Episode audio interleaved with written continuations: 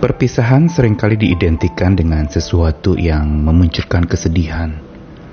Berpisah bisa juga menandakan sebuah permusuhan.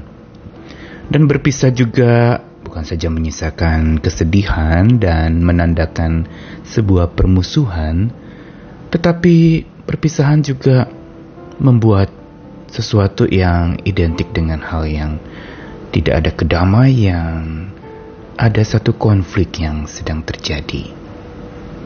Namun sesungguhnya tidak semua perpisahan yang berdampak negatif atau berkonotasi negatif. Ada perpisahan-perpisahan yang sesungguhnya diperlukan untuk terjadinya sebuah kedewasaan. Misalnya ketika seorang anak yang sudah bertumbuh makin dewasa, ketika dia remaja, pemuda, dan ada masanya dia belajar mandiri untuk tidak bergantung penuh kepada orang tuanya. Sehingga dia menjadi pribadi yang bisa mengambil keputusan dengan benar, dengan bijak, dan belajar menjadi pribadi yang berani menghadapi tantangan tanpa didampingi oleh orang-orang yang ada bersamanya. Perpisahan bisa memunculkan sebuah kedewasaan. Begitu pula di dalam perpisahan pada hari kenaikan Tuhan Yesus ke surga, ada sebuah perpisahan yang tentu saja menyisakan sebuah pertanyaan, menyisakan sebuah kegalauan atau kegelisahan, tetapi sesungguhnya perpisahan dengan Tuhan adalah perpisahan yang mendewasakan. Namun perpisahan dengan Tuhan macam apa? Apakah kita bermusuhan dengannya?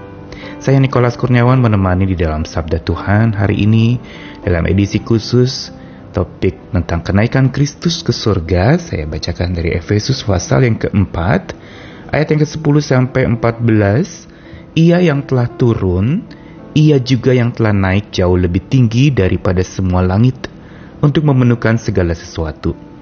Dan ialah yang memberikan baik rasul-rasul maupun nabi-nabi baik pemberita-pemberita Injil maupun gembala-gembala dan pengajar-pengajar, untuk memperlengkapi orang-orang kudus bagi pekerjaan pelayanan, bagi pembangunan tubuh Kristus, sampai kita semua telah mencapai kesatuan iman dan pengetahuan yang benar tentang anak Allah, kedewasaan penuh, dan tingkat pertumbuhan yang sesuai dengan kepenuhan Kristus.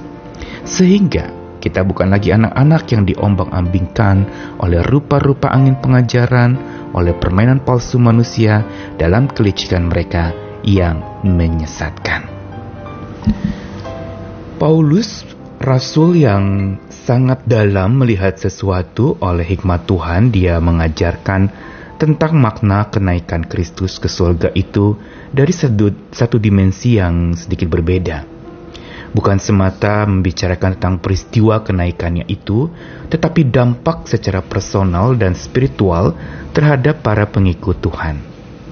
Bahwa sesungguhnya ketika Kristus naik ke surga, itu menandakan bahwa dia adalah penguasa langit dan bumi, surga dan dunia. Dan dikatakan tadi di dalam ayat yang ke-10, Ia, Tuhan Yesus telah turun, juga telah naik jauh lebih tinggi dari semua langit, untuk memenuhkan segala sesuatu. Ini menandakan betapa Tuhan kita adalah Tuhan yang penuh dengan kuasa. Dia berkuasa. Dia menguasai langit dan bumi. Dia menguasai lahiria dan batinia kita. Dia menguasai segala sesuatu di dunia ini. Alam ciptaannya sekaligus awal dan akhir dari alam ciptaannya itu. Namun kemudian bukan saja Tuhan itu berkuasa tetapi dia juga berkarunia.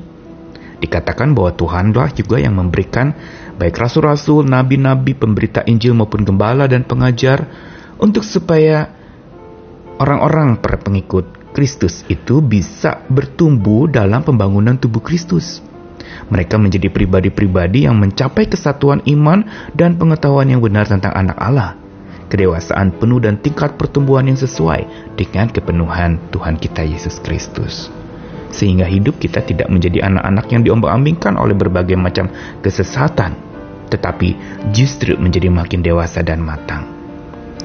Apa yang Rasul Paulus katakan di dalam surat Efesus ini sesungguhnya mau mengajarkan kepada kita pula bila kilas balik saat peristiwa Yesus naik ke atas surga para muridnya justru tidak merasa kehilangan yang begitu dalam, tapi justru dikatakan di dalam kitab suci bagaimana peristiwa itu justru menyemangati mereka untuk senantiasa bersekutu.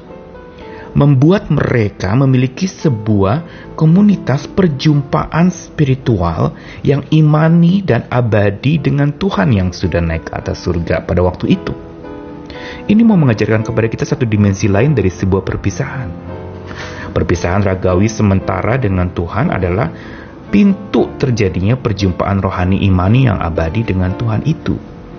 Sehingga perpisahan ragawi yang sementara adalah sesuatu yang harusnya tidak perlu kita tangisi, tidak perlu kita sesali, tetapi itu merupakan satu cara Tuhan untuk justru terjadinya sebuah persekutuan rohani.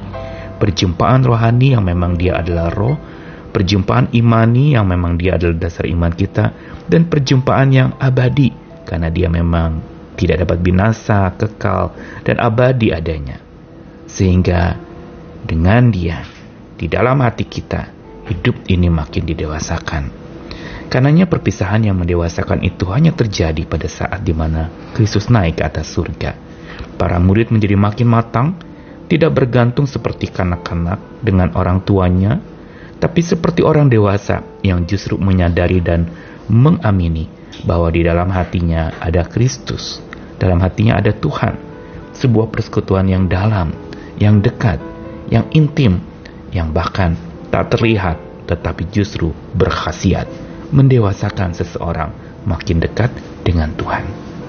Mari kita syukuri hari kenaikan Kristus itu sambil mengingat bahwa perpisahan ragawi dengannya bukan apa-apa, tapi justru itu adalah langkah dan pintu untuk terjadinya perjumpaan rohani dengan Tuhan yang makin dalam dan hidup kita makin didewasakan.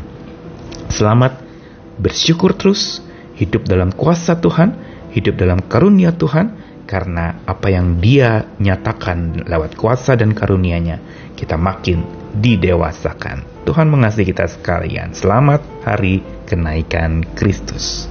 Amin.